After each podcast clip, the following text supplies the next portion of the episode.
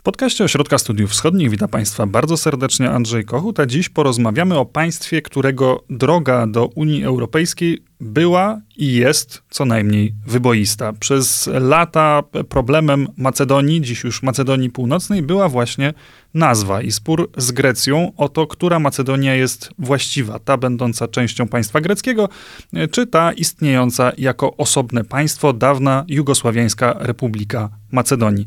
I ten spór został zażegnany całkiem niedawno, kilka lat temu. Macedonia w 2019 oficjalnie zmieniła nazwę na Macedonia Północna. I kiedy już wydawało się, że ta droga do Unii Europejskiej stała się właśnie dla Macedonii łatwiejsza, okazało się, że również inni sąsiedzi tego państwa mają swoje kwestie, które chcieliby z Macedonią wyjaśnić.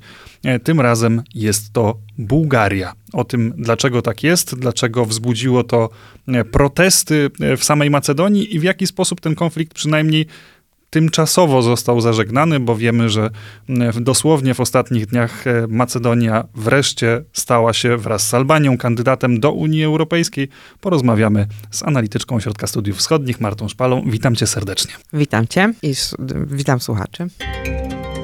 To jest podcast Ośrodka Studiów Wschodnich.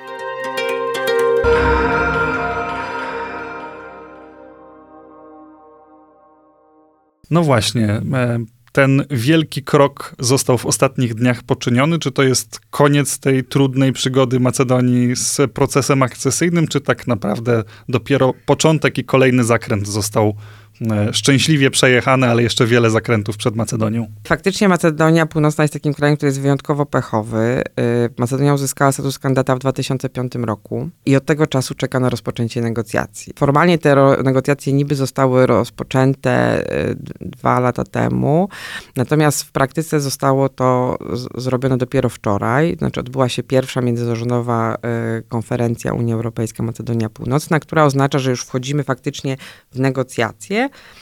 które się zaczną procesem screeningu, który też znamy z naszego, e, z naszego procesu akcesyjnego, czyli takiego dodatkowego przeglądu prawodawstwa macedońskiego pod kątem jego zgodności z acquis communautaire. To już zrobione było, zrobione było już wcześniej, ale w związku z tym, że Macedonia właśnie czeka przez ostatnie 4 lata na rozpoczęcie tych negocjacji, no to jest konieczność update'owania e, tych wniosków, bo też e, w samej Macedonii proces reform postępował, ale też Unia się zmieniała i oczywiście kolejne akty zostały dodawane, więc to jest właśnie kwestia, żeby to mm, jeszcze sprawdzić. Więc Macedonia Północna po raz kolejny wchodzi w ten proces, bo screening też był robiony w przypadku wydania jej właśnie pozytywnej opinii o statusie kandydata i tego, przyznaniu tego statusu kandydata w 2005 roku. No więc widzimy, jeżeli nasz proces akcesji trwał, tutaj różnie można liczyć, ale powiedzmy, że 7 lat, e, no to Macedonia na samo otwarcie negocjacji czeka już lat 17. 17. Tak, od 2005 mój błąd powiedziałem, że otrzymała Macedonia status kandydata. Tak naprawdę ten status kandydata ma już od jakiegoś czasu. Chodziło oczywiście o rozpoczęcie negocjacji. Ne negocjacji, tak. Te negocjacje faktycznie zostały zablokowane e, przez Grecję w 2008 roku. Macedonia już wtedy, w 2005, była, traktowa- była najlepiej przygotowana do negocjacji. Była krajem, gdzie te reformy postępowały naj, y, najszybciej. No ale właśnie ten proces, y, zatrzymanie tego procesu y, akcesyjnego i do Unii, i też do NATO spowodowało, że ten impet reformatorski znacząco spadł. Mieliśmy taki flirt z takim systemem autokratycznym podczas rządów Nikoli Grujewskiego, które się zakończyły w 2017 roku w wyniku też olbrzymich protestów społecznych. Społeczeństwo już miało dość, yy, opowiadało się właśnie za członkostwem w Unii, w, w Unii Europejskiej. Miało dość takiego właśnie takiej nacjonalistycznej retoryki, budowaniem tożsamości na bazie tego, co też wspomniałeś, tej antycznej przeszłości, do której y, Grecja poczuwa się mm, jako jedyny dziedzic tego, tego antycznego tej antycznej spuścizny. Tutaj mieliśmy dużo pomników Aleksandra Macedońskiego, Filipa, I to wszystko jego ojca. działo się za czasów Grujewskiego. Te tak. autostrada nazwana imieniem tak. Aleksandra Wielkiego, lotnisko, tak, właśnie tak, pomniki. Tak. Y, I to jest, powiedziałabym, dla Macedończyków za trochę mniej ważne. Oczywiście to trochę buduje jakąś taką dumą narodową, że my tu się wywodzimy z Aleksandra Macedońskiego, ale jest to traktowane tak trochę z przymurzeniem oka. No i tak jakby kwestia tych relacji, relacji z Grecją to właśnie jakby ona dotyczyła e, jakby dwóch rzeczy, nazwy państwa, bo tutaj Grecja mówiła, że nazwa Macedonia, która się kiedyś odnosiła do szerszego obszaru, e, obszaru geograficznego, który teraz jest podzielony właśnie między Bułgarię, Grecję i Macedonię, no to właśnie implikuje pewne roszczenia terytorialne i tutaj Macedonia powinna mieć jakiś y, określnik geograficzny dodatkowy, żeby pokazać, że to jest tylko i wyłącznie ta część obecne granice polityczne tego państwa. No i były też spory o y, przymiotnik macedoński, właśnie kim są mieszkańcy Macedonii, czy to są Macedończycy, jakim językiem mówią, czy to jest język macedoński. I tutaj była I tu to... wchodzi kwestia, która teraz e, stoi e, przed tak. nami, przed Macedończykami przede wszystkim, żeby tak. ją w jakiś sposób wyjaśnić, czyli ta kwestia dotycząca Bułgarii. Bułgarii, tak. Natomiast jakby kwestia była taka, jeśli chodzi o Greków, to jakby było jasne, że to nie są ci, to, to, to jest jakby odrębny naród, z odrębnym językiem, tej odrębności nie kwestionowano. E, kwestionowano właśnie samo, same, te, same te określenia, natomiast w tym kompromisie, i to faktycznie był kompromis podpisany, e, podpisany e, nad jeziorem Prespa, Macedończycy zgodzili się na zmianę nazwy państwa, ale obronili przymiotniki, czyli są Macedończykami, mówią językiem macedońskim i wszystkie ich instytucje nazywają się jakby mają określenie macedońska, tak? Macedoński Kościół, Macedońska Akademia Nauk. I to był taki wielki sukces, takie poczucie, że tu ustąpiliśmy, ale Grecy się zgodzili, więc jakby jest to, jest to, jest to taki właśnie, tak, jest właśnie taki y, kompromis wspólnie wypracowany w duchu takiego jakby zaufania i poczucia, że, że chcemy ruszyć do przodu. Macedonia została członkiem NATO, to się udało właśnie po latach, no i ale proces akcesji okazało się y, do Unii Europejskiej zdecydowanie trudniejszy, bo tutaj właśnie na arenę wchodzi Bułgaria.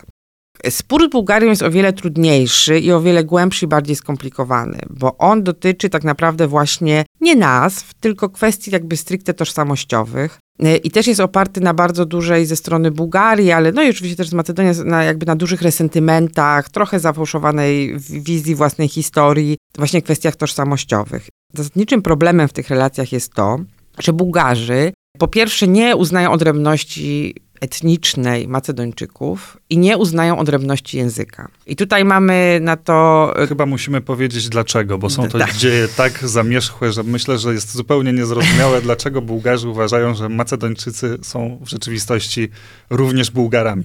To prawda, znaczy yy, yy, Bułgarzy uważają, że zacznijmy od języka, bo to jest trochę prostsze. To znaczy, że język macedoński, który faktycznie był późno skodyfikowany, on był skodyfikowany w latach 70., za czasów komunistycznej Jugosławii Josifa Brostity. To jest język, który wywodzi się bezpośrednio z języka bułgarskiego, który był y, skodyfikowany wcześniej. I że nie ma czegoś takiego jak język macedoński. Macedoński to jest tylko dialekt języka bułgarskiego. W związku z tym Bułgaria kwestionuje y, określenie w dokumentach, na przykład unijnych, że aki communautaire zostanie prze, e, przetłumaczony na język macedoński. No bo ten język nie istnieje, tak? Macedończycy mogą korzystać z bułgarskiej wersji e, aki. Tutaj było to, było to też powodem na przykład e, zablokowania takiej umowy ramowej pomiędzy Macedonią Północną a Frontexem w ramach kryzysu migracyjnego. To była bardzo jakby ważna umowa w, w związku z tym, że migracja i szlak bałkański jest wciąż istotną kwestią, ale Bułgarzy na to nie zgadzali, bo właśnie w tych dokumentach unijnych pojawia się określenie język macedoński, a oni uważają, że nie. I tutaj to jest ciekawa kwestia, bo to jest takie trochę stanowisko takiego silniejszego partnera, który jest w Unii Europejskiej, że Macedończycy to muszą przyznać, tak, że że język macedoński pochodził od bułgarskiego. No kwestia jest taka, ta jest kwestia trochę bardziej skomplikowana, dlatego że terytorium obecnej Bułgarii i obecnej Macedonii było pod panowaniem Imperium Osmańskiego. Tam e, ludzie mówili różnymi dialektami faktycznie były to, można, możemy mówić, czy to były dialekty, dialekty południowosłowiańskie, tak charakterystyczne, jakby y, bułgarskie. Natomiast jakby te różnice dialektalne są bardzo, bardzo mocne. No i też, też trochę jest tak, że te obydwa języki, macedoński i bułgarski, zostały oparte na innych dialektach, tak? Macedoński na dialektach z Bitoli, Natomiast, czyli właśnie z tej jakby powiedzmy oddalonej trochę od Bułgarii części Macedonii, natomiast y, język bułgarski na też tak, takich dialektach wschodnich. No więc te różnice są i te języki też przez ostatnie 50 y, lat od, już rozwijały się jakby zasadniczo odrębnie, tak? Znaczy Bułgaria w ramach mm, jakby państwa, państwa bułgarskiego, Macedonia w ramach Jugosławii, dużo jest teraz w, w dialekcie macedońskim, znaczy w języku macedońskim jest dużo serbizmów, no więc to jest tak, że w zależności od tego, kto jakim dialektem mówi, to, to nie jest tak do końca, że ci ludzie się rozumieją. Oczywiście przy dużej do, dozie bo, dobrej woli tak, ale nie jest to tak, że to, są, to, są, to jest coś, co jest tożsame. No poza Czyli tym, jak Polak ze Słowakiem, powiedzmy, powiedzmy w dużym że, jak, że jak Polak ze Słowakiem. No i to też jest taka kwestia, że ja tutaj stoję na takim stanowisku, że no, y, y, jakby język, no to wiadomo, że on się rozwija trochę w ramach państwowych, tak? Jeżeli jakieś państwo uważa, że, że język, którym się mówi w tym kraju jest język, to jest język macedoński, no to jest to po prostu język macedoński. Znaczy język ma też taki trochę wymiar, pol- dialekty stają się językami najczęściej wtedy, kiedy powstaje państwo, które je wspiera, tak? Powstaje, powstaje literatura, która też jakby wiemy z procesów odrodzenia narodowego, y, jakby w naszym regionie, ale też jakby w, w regionie Bałkanów Zachodnich, że no jakby to te ramy państwowe jakby dają tą przestrzeń mm, dla rozwoju języka i tą przestrzenią faktycznie była Macedonia w ramach Jugosławii, która miała status republiki że tutaj faktycznie państwo wspierało, mm, wspierało rozwój tego języka. Ale, a Bułgarzy jakby podnoszą taką kwestię, że no bułgarski był skodyfikowany wcześniej. No był skodyfikowany wcześniej, faktycznie ta literatura była, jest bogatsza w języku bułgarskim, macedoński był e, skodyfikowany później, no ale to też trochę nie jest tak, że, że jakby te daty yy, jakby są na, naj, na, najbardziej istotne, tak? Możemy to też trochę tak porównać do tej debaty, która jest pomiędzy Rosją a Ukrainą, tak? Czy, czy język ukraiński istnieje? Też widzimy, że y, państwo ukraińskie jeszcze na początku, no jednak było yy, tego ukraińskiego w przestrzeni publicznej było bardzo mało, teraz jest go po prostu coraz więcej, bo państwo to wspiera i, i, i trochę też tak jest z, z Macedonią. Natomiast mm, kwestie tożsamościowe są jakby już zupełnie jakby bardzo problematyczne, ponieważ y, jak y, Macedonia odzyskiwała niepodległość w 1992 roku, to Bułgaria była pierwszym krajem, który uznała niepodległość Macedonii i bardzo pomagała ekonomicznie, to była pomoc humanitarna, faktycznie wspierała tą, mm, tą macedońską y, państwowość. I pytanie jest dlaczego? Bo faktycznie Bułgarzy do tego terytorium jakby obecnej Macedonii mają taki trochę stosunek, że to są, y, że to jest jakby kolebka państwa bułgarskiego, tam się rozwijało państwo bułgarskie. Mm, To są nasze ziemie, które zostały nam porwane przez Serbów, a później jakby przez Jugosławian, którzy wymyślili tą tożsamość macedońską, wzmacniali ją, że to jakby wzmacniali ten separatyzm regionalny i że macedońska tożsamość jest tworem sztucznym. Po prostu w, w biegu historii jeden bułgarski naród zamieszkujący właśnie te obszary obecnej Bułgarii i Macedonii został podzielony i Serbowie, którzy zawsze y, rywalizowali y, z Bułgarami o te tereny, po prostu wykorzystali koniunkturę polityczną. Najpierw próbowali mieszkańców Macedonii serbizować w okresie międzywojennym, to się nie udało, a później po prostu y, w, w związku z tym zaczęli wymyślać tą tożsamość macedońską, która się tam przyjęła, była wspierana przez państwo, więc tutaj się pojawiają takie określenia, że, y, y, czy komentarze ze strony bułgarskich polityków w ramach tego dość burzliwego sporu. Jeden z polityków bułgarskich powiedział, że mm, no nie może być coś takiego, że Unia Europejska uznaje tożsamość macedońską, bo to jest gloryfikacja komunistycznego reżimu Józefa Brostity. No bo to Jos, Bros, Brostito wymyślił właśnie tych Macedończyków. Jakby nie wchodzimy już w takie kwestie, dlaczego tak było, w, jak, to, jak to się wpisywało w politykę narodowościową e, e, komunistycznej Jugosławii, bo to już jakby jest bardzo szeroki, odrębny temat. Natomiast faktycznie no jest tak, że, że, że ta komunistyczna Jugosławia jakby dała, naddała te, te, pa- te państwowe ramy, instytucje właśnie macedońskie i bardzo mocno wzmocniła tą odrębność, e, odrębność macedońską. I czego teraz oczekują Bułgarzy? Jakie No i warunki stawiają Macedonii? I teraz właśnie jakby przechodzimy do tych, ma- do tych, e, do tych e, warunków, które na pierwszy rzut oka właśnie się e, nie, nie, nie wydają jakieś takie problematyczne, no bo właśnie to trochę chodzi o to, żeby Macedończycy przyznali, że macedoński pochodzi od bułgarskiego.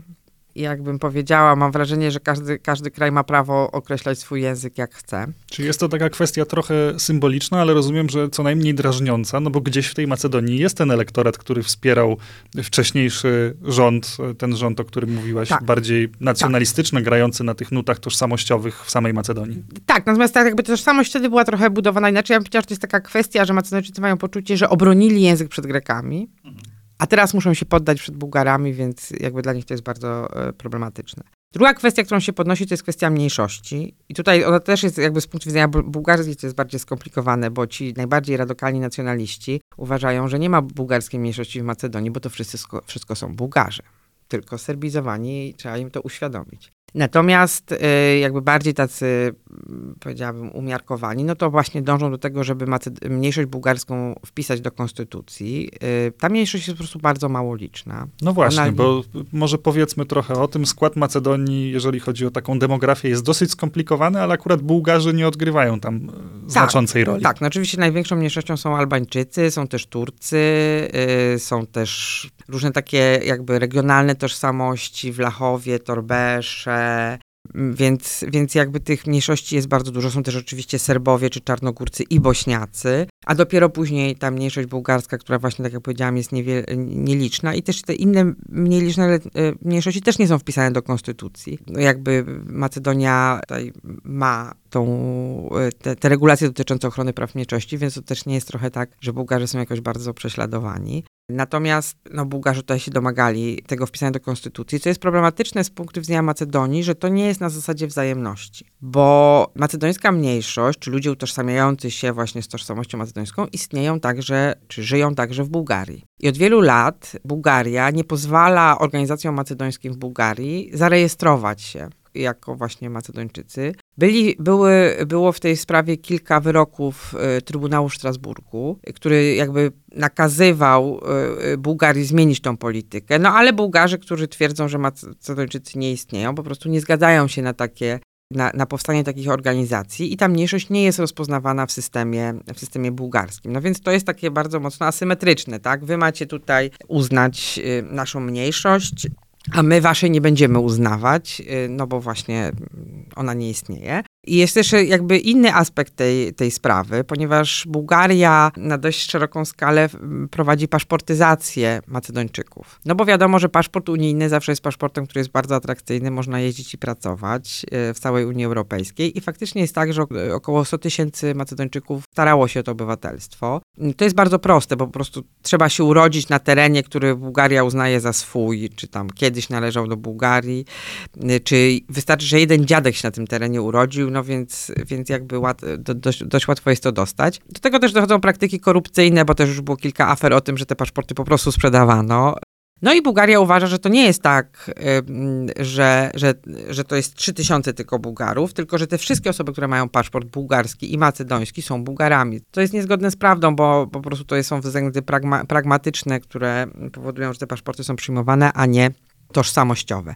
No i trzecia najważniejsza rzecz to jest historia. No i tutaj wchodzimy już jakby w bardzo takie e, delikatne kwestie. To znaczy faktycznie w obu krajach ta historia jakby ma dużo takich pozostałości komunistycznych, powiedziałam, komunistycznych, komunistycznych reżimów. Se, w przypadku Jugosławii jest to, te podręczniki właśnie, tutaj wszyscy Macedończycy mm, przyznają, że te podręczniki trzeba zmienić, że one są po prostu stare, jest tam dużo jakby nieprawdziwych informacji, dużo jest też właśnie o tym Aleksandrze Macedońskim w ramach tej właśnie wcześniejszej mm, polity, polityki antykizacji tożsamości ma, ma, ma, macedońskiej. Więc je faktycznie trzeba zmienić i trzeba jakby podjąć badania na temat właśnie na, naszej własnej historii.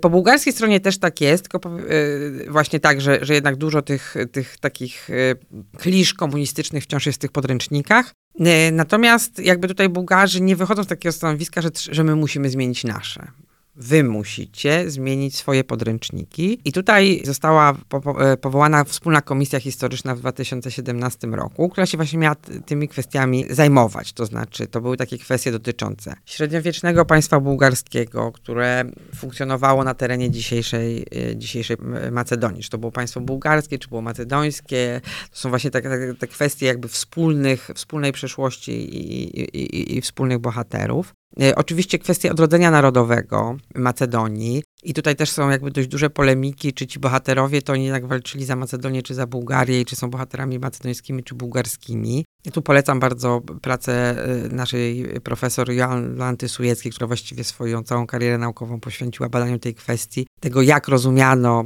te kategorie właśnie narodowe wtedy, a jak one są, czy one są tożsame z tym, jak to rozumiemy, e, rozumiemy teraz. No i jest oczywiście też jakby bardzo trudna kwestia i ona już dotyka osobiście bardzo dużo, e, du, dużą ilość Macedończyków, to znaczy kwestia II wojny światowej, ponieważ Macedonia w 1941 roku, w momencie kiedy Jugosławia została zaatakowana przez przez Niemcy, przypadła Bułgarii, która wtedy była państwem satelickim Niemiec. I i Macedończycy faktycznie witali wtedy Bułgarów z kwiatami e, w 1941 roku, bo po ten okres poprzedzający to był okres bardzo intensywnej serbizacji. Natomiast jak Bułgarzy przyszli, no to ta, ta okupacja no nie jest bardzo dobrze wspominana. To znaczy, że, że to były i prześladowania, i właśnie bułgaryzacja Macedończyków. Jest tutaj też trudna kwestia likwidacji czy wywiezienia Żydów mieszkających w Bitoli, których było ponad 3000 w 1943 roku do Treblinki. I właśnie tego, jak bułgarscy, bułgarscy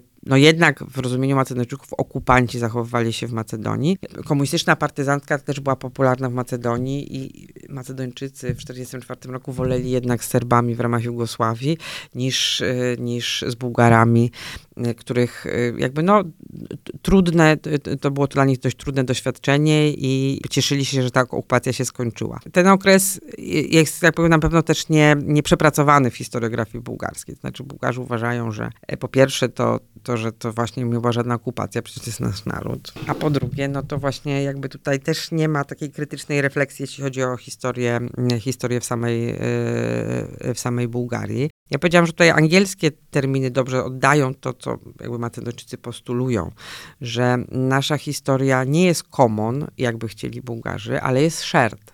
To znaczy my dzielimy pewne elementy wspólne, ale to nie jest wspólna historia. Natomiast Bułgarzy w takim swoim takim najbardziej radykalnym stanowisku uważają, że przed 1944 rokiem w ogóle nie można mówić o Macedończykach że nie ma Macedończyków, że to są tylko Bułgarzy. To była Bułgaria, bułgarska historia i że macedońskie podręczniki powinny wyglądać tak jak bułgarskie, bo to jest właśnie ta wspólna historia nasza, która powinna być prezentowana tak samo w obydwu krajach. Macedończycy nie mają prawa do własnej interpretacji wspólnych dziejów, nie mają prawa do jakby krytyki Bułgarów, bo tutaj na przykład wszelkie wspominanie o właśnie wywózkach e, Żydów z Macedonii jest uważane jako, i tak to jest postrzegane jako hate speech, jako antybułgarska propaganda. E, no i że po prostu tam, okej, okay, no później to już wiadomo, że macie swoją historię odrębną, ale wcześniej to jest po prostu nasza wspólna i nasze podręczniki, znaczy wasze podręczniki powinny wyglądać tak samo jak, jak nasze. I to jest duży problem dla Macedończyków, no bo oni uważają, że tej wspólnej historii mają prawo ją interpretować tak, jak oni chcą, jakby w duchu tym, czym się dzisiaj czują i, i jak to wygląda. Natomiast Bułgarzy jakby mają, y, jakby w ogóle się na to, na to nie chcą zgodzić. Prace komisji nie przyniosły żadnych owo owoców i, i jakby tutaj nie, nie, ma, nie ma, wydaje się, woli porozumienia. Oczywiście z obu stron padają zarzuty, że druga strona jest bardzo nieustępliwa. Macedończycy podejmowali próbę e, umiędzynarodowienia tego problemu. To znaczy, no wiadomo, te kwestie jakby dotyczące wspólnych podręczników, interpretacji wspólnej historii, po pierwsze są, zawsze zajmują bardzo dużo czasu, wymagają bardzo dużej ilości badań i też wymagają jakby takiego właśnie zaangażowania często też międzynarodowego, tak, że właśnie proponowali, jakby weźmy profesorów, którzy się zajmują historią tego regionu i jakby razem rozmawiajmy, jakby proces jest ważny, to znaczy nie jest, jakby nie nasze ustalenia są najważniejsze, ciężko też jakby zrobić przegląd bez odpowiednich badań, bo też musimy powiedzieć, że i w jednym kraju i w drugim jakby nie ma takich poważnych badań historycznych, y, nowoczesnych, na których można by się oprzeć. No więc jakby y, oczekiwanie, że w ciągu roku komisja historyczna jakby dojdzie do jakichś wniosków, to takiego wąskie grono historyków, teraz jakby zadecyduje o tym, jak ta historia ma być uczona, no to, to, to, to jest bardzo trudne i ono też jakby powoduje dość duże, dużą nieufność ze strony Macedończyków, że Macedończykom, że Bułgarom nie chodzi o to, żeby tą historię zbadać, żeby poważnie zastanowić się nad takimi różnymi kwestiami, nawet jakby kwestią dla Bułgarów bardzo drażliwą, czyli prześladowań Bułgarów po 1944 roku przez komunistyczne rządy. Że to nie chodzi właśnie o, o badanie i zbliżanie, wzajemne porozumienie, tylko chodzi o bułgaryzację historii Narzucenie swojej polityki tak. historycznej. I tak. tutaj nieufność to jest chyba delikatne słowo, bo cały ten proces, o którym tutaj rozmawiamy, wzbudził e, w samej Macedonii Północnej bardzo intensywne protesty uliczne, wręcz czasami brutalne protesty uliczne. Tam byli ranni policjanci, były, była próba ataku na budynek parlamentu w Skopie, więc jak rozumiem, te emocje w Macedonii związane z tą dyskusją wydawałoby się historyczną, ale właśnie przecież tożsamościową bardzo były znaczące. To prawda, znaczy te protesty wybuchły w związku z tym, że Bułgaria Macedonia tak od Macedonia Północna nie może otworzyć tych negocjacji. To była wielka porażka Unii Europejskiej. Teraz mamy wojnę na Ukrainie i była potrzeba wielkiego sukcesu ze strony Unii Europejskiej geopolitycznego, żeby pokazać, że Unia jest aktywnym graczem i w, na Ukrainie, której przyznano status kandydata, ale też na, na Bałkanach, bo proces No właśnie, bo przecież te szybko otwarte drzwi dla Ukrainy Tak. też wywołały określone emocje wśród tych państw, które od lat czekają już na to, żeby do Unii dołączyć. Takie właśnie jak Macedonia Północna czy Albania. Ja, ja bym powiedziała, że y, na Bałkanach y, trochę na Ukrainę patrzy się w ten sposób, że, że oni przechodzą to, co my, szczególnie te państwa, które są ofiarami. Y, I, I nie ma nawet tutaj, powiedziałabym, zazdrości, tylko jest raczej współczucie. Bo musimy też pamiętać, że państwom bałkańskim przyznano status kandydata i otworzono drzwi do Unii Europejskiej właśnie po erze brutalnych konfliktów lat 90. No i właśnie jesteśmy w 2020 roku. Z tych wszystkich państw tylko Chorwacja wstąpiła do Unii Europejskiej, więc oni mają poczucie, że tak, to jest takie moralne wzmożenie i dostaliście status kandydata, ale nie wiecie, co was czeka, a czeka nas was wielkie rozczarowanie, tak jak nas. Ale faktycznie Unia Europejska lubi symboliczne gesty, no więc w związku z tym, że proces rozszerzenia od lat jest w kryzysie i nic się nie udaje, powiedziałam, że nawet mamy regres, jeśli chodzi o reformy w, regi- w regionie, to ta kwestia macedońska była taka najbardziej mm, dobitna, że mamy państwo, które zmieniło nazwę państwa y, w imię integracji z Unią Europejską, y, jakby poświęciło się bardzo, spełniło wszystkie techniczne warunki i nie to, że nie może wstąpić do Unii Europejskiej, ono od lat nie może rozpocząć negocjacji, czyli właśnie tego, z czym Unia się szczyci, to znaczy negocjacje to jest ten moment, kiedy państwo reformuje się najbardziej intensywnie i tych ram po prostu dla Macedonii nie ma. Nie ma celu, politycy nie mogą powiedzieć, że teraz jest trudno, reformujemy się, musimy podjąć wysiłek, Ale, Ale- za 5-7 lat tak. Nie, nie ma, bo tej perspektywy. Nikt im nie E, daje nikt- po prostu, nikt- nikt mówiąc nie daje. brutalnie.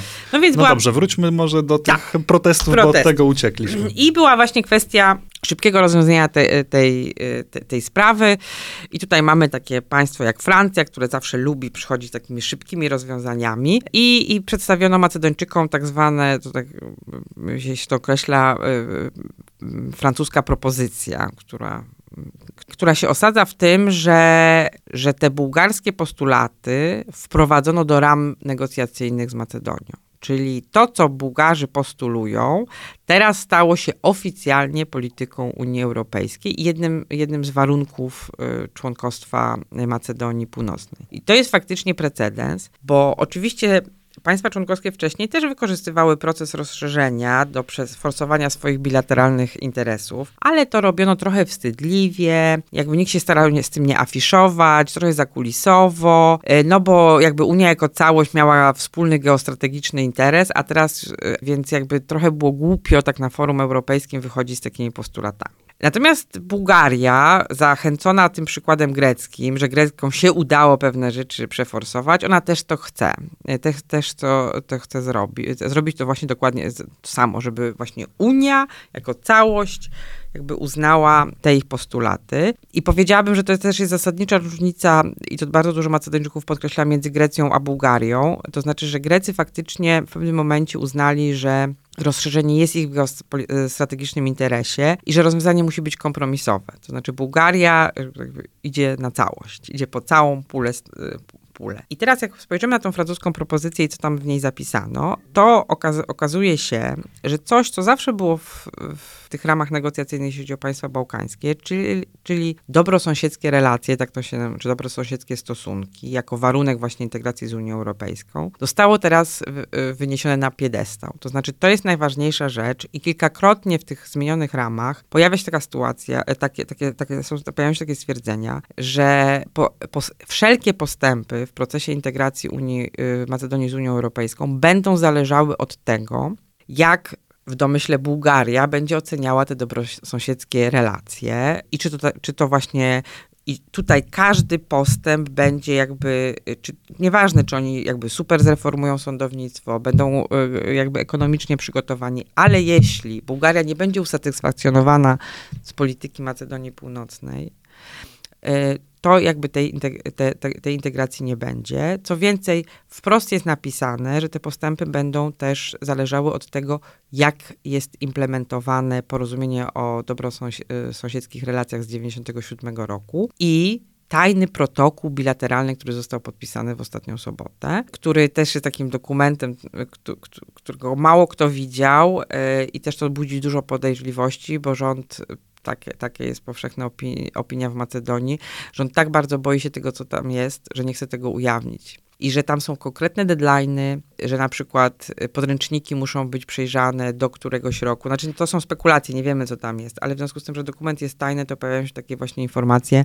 że teraz Bułgaria będzie, Macedonia będzie jakby w ramach konkretnych czasowych okresu będzie musiała y, pewne rzeczy z Bułgarią uzgodnić, a w związku z tym, że Bułgaria teraz jest silna, to ona nie będzie ustępować, czyli tak naprawdę, że, że Macedonia będzie musiała się zgodzić na dyktat bułgarski w tych różnych kwestiach właśnie historyczno-tożsamościowych. Jest też trzecia sprawa, taka bardzo konkretna i to też jest napisane wprost w tych ramach negocjacyjnych, że druga konferencja międzyrządowa, y, czyli otwarcie, która miała być w założeniu poświęcona otwarciu konkretnych obszarów negocjacyjnych, będzie zależna od tego, czy Macedonia zmieni konstytucję i wpisze do tej konstytucji mniejszość bułgarską. Rząd się na to zgodził. Pytanie jest, czy to, czy to zdobędzie poparcie w parlamencie, ponieważ opozycja po, po, mówi, że nie poprze tych zmian. E, jest tutaj wymagana większość dwóch trzecich głosów do zmiany konstytucji, więc tutaj będą też naciski na Macedonię w najbliższym czasie bardzo mocne, żeby właśnie tą konstytucję zmienić. Ale po prostu kwestie bilateralne zostały wpisane do ram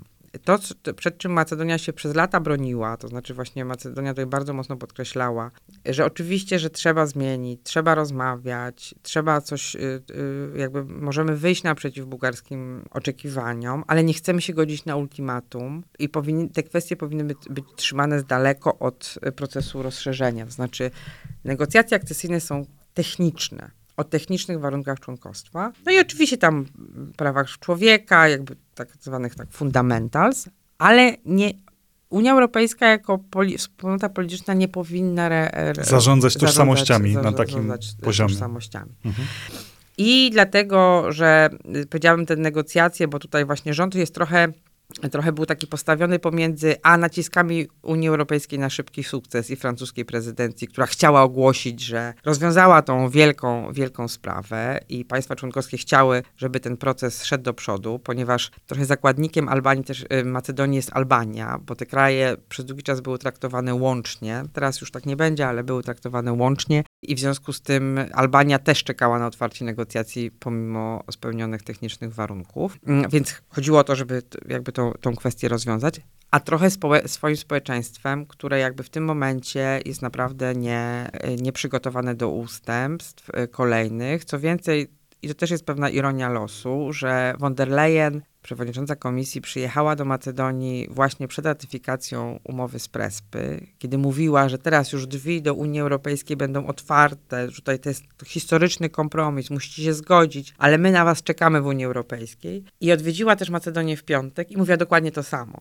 No więc jest tutaj też kwestia wiarygodności Unii Europejskiej jako partnera, tak? Znaczy, że Macedończycy się po prostu bardzo boją, że to jest tylko, to, tak jak powiedziałeś, nie? że to jest to początek, że teraz po prostu ten proces akcesyjny będzie drogą przez mękę i że my będziemy się skupiać na reformach, tylko będziemy się skupiać y, na tym, czy ten bohater narodowy jest określony tak, jakby Bułgaria tego chciała i że, że to po prostu, tak jak się mówi, y, y, że ceną za integrację europejską Macedonii ma być jej tożsamość narodowa, tak? Wynarodowienie, bułgaryzacja i, i, i to spowodowało, to było taką iskrą zapalną, która wywołała te protesty.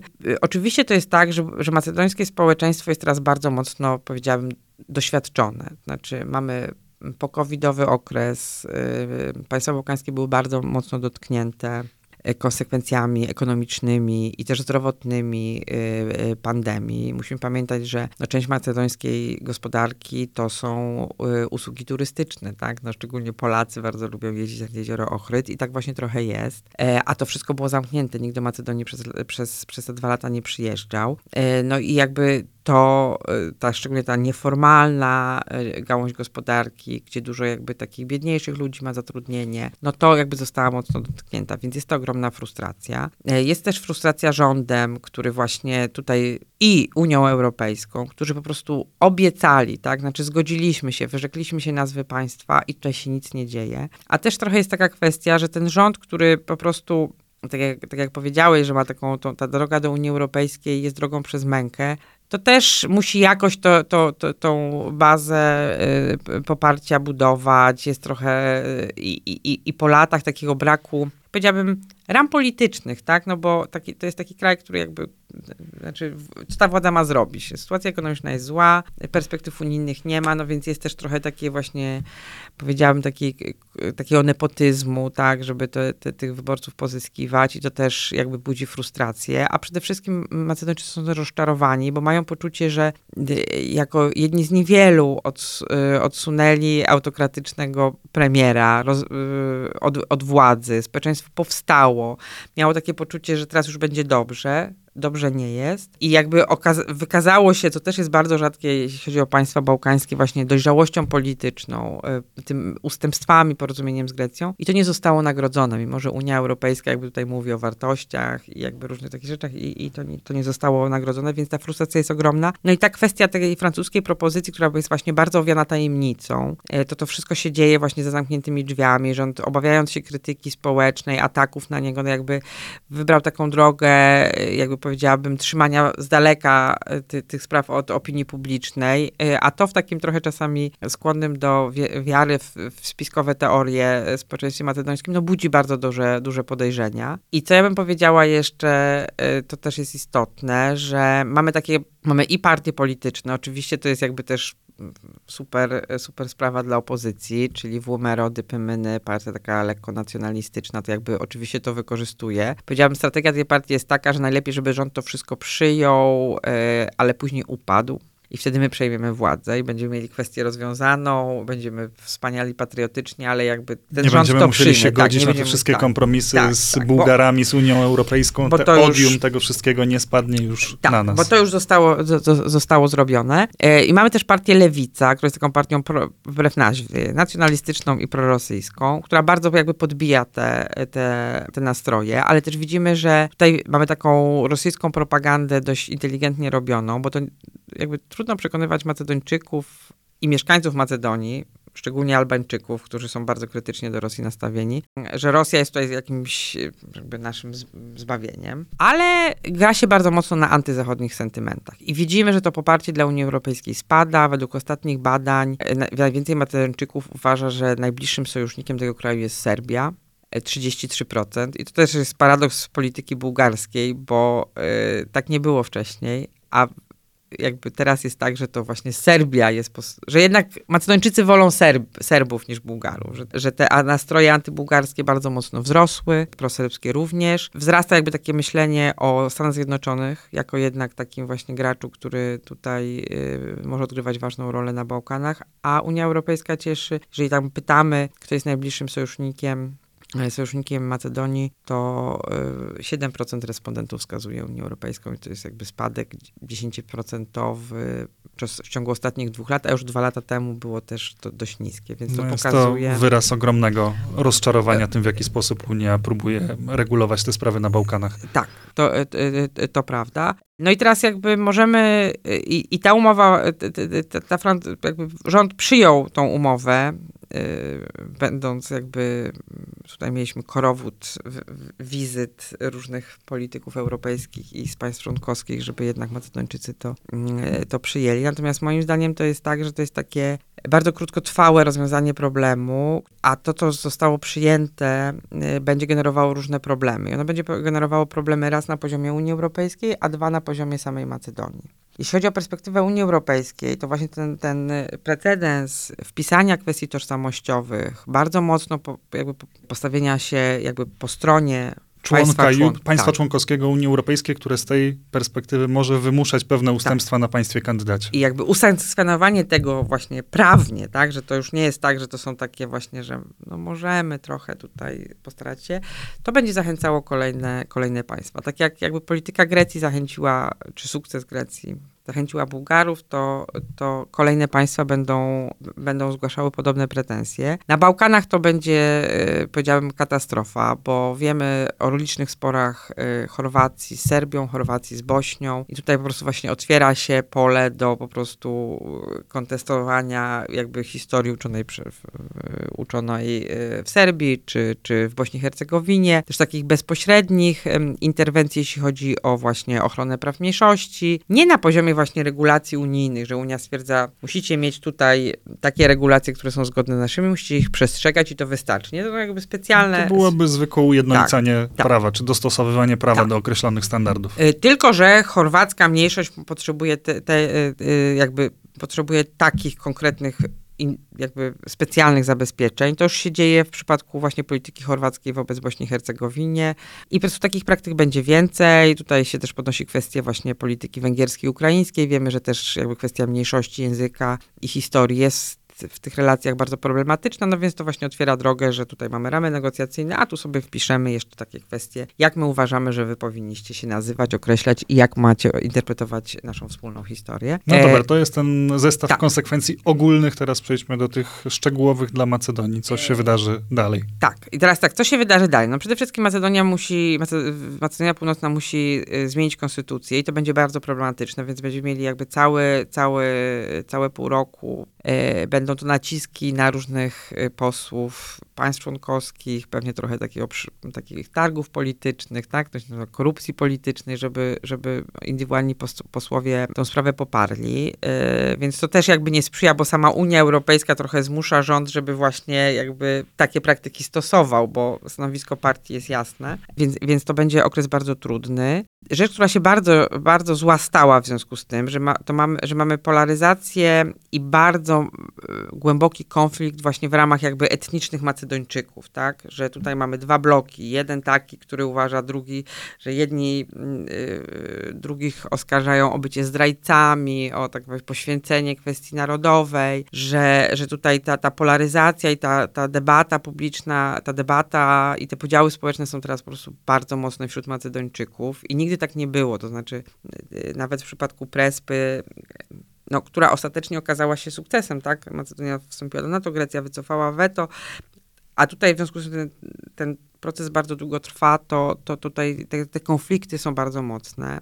Powróciły też napięcia pomiędzy Albańczykami i Macedończykami. Y, Macedonia ma za sobą taką historię mm, jakby krótkiej wojny domowej czy konfliktu zbrojnego z 2001 roku. Zostało bardzo szybko zażegnane, bo wtedy Unia zareagowała właśnie ba, ba, bardzo szybko i skutecznie. Natomiast y, ministrem spraw zagranicznych y, Macedonii jest Bujar Osmani, Słowodonia Albańczyk. I tutaj się właśnie oskarża Albańczyków o nielojalność, o to, że no wiadomo, że, że ta społeczność albańska jest mniej przywiązana do tych kwestii jakby takiej, powiedziałabym, słowiańskiej historii, tak? Że dla nich jakby głównym priorytetem jest, jest integracja e, z Unią Europejską i oni tutaj są skłonni do jakbyś takich większych, większych ustępstw. I tutaj się oskarża właśnie rząd i ministra o to, że po prostu w związku z tym, że jest Albańczykiem, to zdradził Y, y, zradził Macedończyków I, i, i tutaj też jakby widać było, że w czasie tych protestów dochodziło do pewnych y, incydentów międzyetnicznych, no bo trochę też jest tak, że ta frustracja po prostu się wylewa, od, odzywają się takie mm, stare, stare schematy. To jest też będzie problem dla utrzymania spójności państwa, ponieważ właśnie ta idea e, e, Unii Europejskiej w bardzo pozytywnym znaczeniu jednoczyła wszystkich mieszkańców Macedonii Północnej. Teraz już tak nie jest, bo właśnie ona to, czy się integrować z Unią Europejską, jakby rodzi bardzo y, duże konflikty. To to była też taka idea jednocząca Albańczyków i Macedończyków. Mieszkamy w jednym kraju, to będzie państwo członkowskie, pracujemy, żeby, żeby żeby, żeby, to, żeby to osiągnąć. A teraz ta kwestia integracji, perspektywy europejskiej, no po prostu dla części Macedończyków jest bardzo toksyczna, tak? Znaczy właśnie nie chcemy takiej Unii, znaczy nie chcemy Unii, która prowadzi taką politykę i zmusza nas do wyrzeczenia się naszej, naszej tożsamości. To jest cena za wysoka. A część, nawet jeżeli to popiera, bo uważa, że ekonomicznie to jakby Macedonia nie ma żadnego innego wyjścia, to ma poczucie jakby takiej, powiedziałabym, niesmaku. E, tak, że, że, że no okej, okay, no jesteśmy słabsi, wiadomo, że proces negocjacyjny jest zawsze asymetryczny i że to jakby państwa członkowskie i Unia Europejska narzucają różne rozwiązania, ale to już jakby przekracza, przekracza pewne granice i to jest za dużo, tak? Rozumiemy, że jeżeli się nam zarzuca, że jesteśmy skorumpowani, mamy słabe instytucje i to jest jakby w miarę okej, okay, ale możemy sobie też pomyśleć, y, jakby, jakby wyglądała nasza integracja. Myśmy oczywiście wstąpywali, wstąp, y, razem wchodziliśmy do Unii z Litwą, ale jakbyśmy tutaj nagle zażądali, żeby Litwa nam pokazała swoje podręczniki, żeby udowodniła, że jest europejska. I teraz właśnie Bułgaria tego żąda. Znaczy Bułgaria zażądała od Macedonii wydania wszystkich materiałów edukacyjnych, które są stosowane, żeby je przejrzeć pod kątem tego, czy one właśnie spełniają normy. A problem jest właśnie taki, że to też nie jest jakby proces taki, że to nie jest dialog, tak? Znaczy, to nie, jakby nie rozmawiamy, tylko jedna strona recenzuje drugą, a teraz to robi w ramach procesu negocjacyjnego, a Macedonia jak będzie chciała tylko jakiś otworzyć rozdział, no to to musi usatysfakcjonować Bułgarię. W oczywiście tak by nie sprzyja też y, tej sprawie to, że w Bułgarii mamy do czynienia z ogromnym kryzysem politycznym od dwóch lat, znaczy nie mamy stabilnego rządu. Nie wiemy, jak ten kolejny rząd będzie wyglądał. Jest duża szansa, że on będzie jeszcze bardziej antymacedoński niż poprzednie. No i to też właśnie rodzi bardzo duże obawy, że, że ta y, że już nie będzie chodziło o reformy, tylko będzie chodziło właśnie o tą historię i to będzie clue tych, tych, tych relacji. Ja powiedziałabym, że, że Bułgaria, która właśnie zawsze, to jest takie, to jest takie bardzo specyficzne, ja bym, tak jak mieliśmy taką, takie hasło, tak, tęsknię za tobą Czechu, jak było, była pandemia, to, że Bułgarzy właśnie w 1992 roku myśleli, Boże, ci Macedończycy wreszcie do nas wracają, nie, że wreszcie możemy, y, przyjmiemy ich, będziemy ich wspierać i to po prostu ci nasi bracia, którzy zostali oddzieleni przez żelazną kultynę, można powiedzieć, przez wichry historii, wreszcie nas wracają to teraz jest tak, że ja, ja sobie to naprawdę nie wyobrażam, żeby, żeby to się stało, tak? Znaczy, że, że po prostu y, jakby te pretensje do Bułgarów są tak mocne, że faktycznie i tak głęboko teraz są w macedońskim społeczeństwie, że ja uważam, że, że, że jakby te, te, te, narody się już po prostu rozeszły całkowicie. Znaczy, że, że nawet jeżeli jakby w takim, powiedziałabym, to może być optymistyczny scenariusz, Macedonia teraz to zrobi, co Bułgaria nie oczekuje, to później będzie...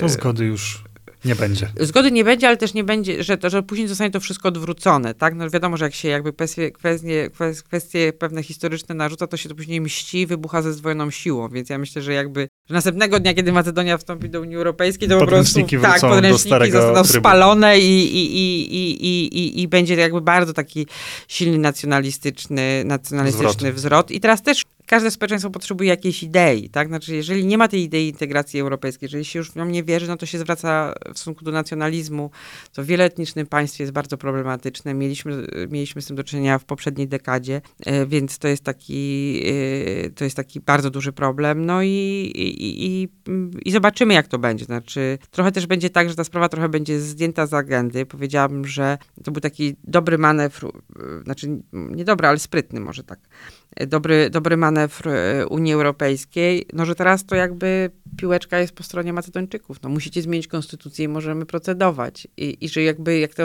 negocjacje zostały już formalnie otwarte, to czemu one nie idą do przodu, to już się nie będzie się nikt zajmował. Znaczy Unia Europejska pokazała, że jest zdolna wypracować kompromisowe rozwiązania, przy czym jest to kompromis mocno zgniły, albo można powiedzieć, że to jest ultimatum, na które słabszy partner się, się zgodził. I, I tyle, tak? A Macedonia będzie po prostu pogrążona w takim dryfie dość niestabilnej sytuacji gospodarczej i etnicznej, no i jakby zobaczymy, jak to będzie y, dalej wyglądało.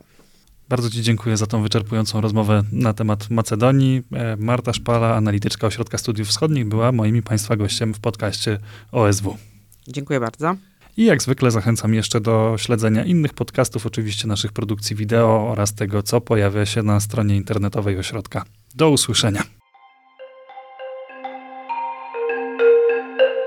Wysłuchali Państwo podcastu Ośrodka Studiów Wschodnich. Więcej nagrań można znaleźć na stronie www.osw.waw.pl.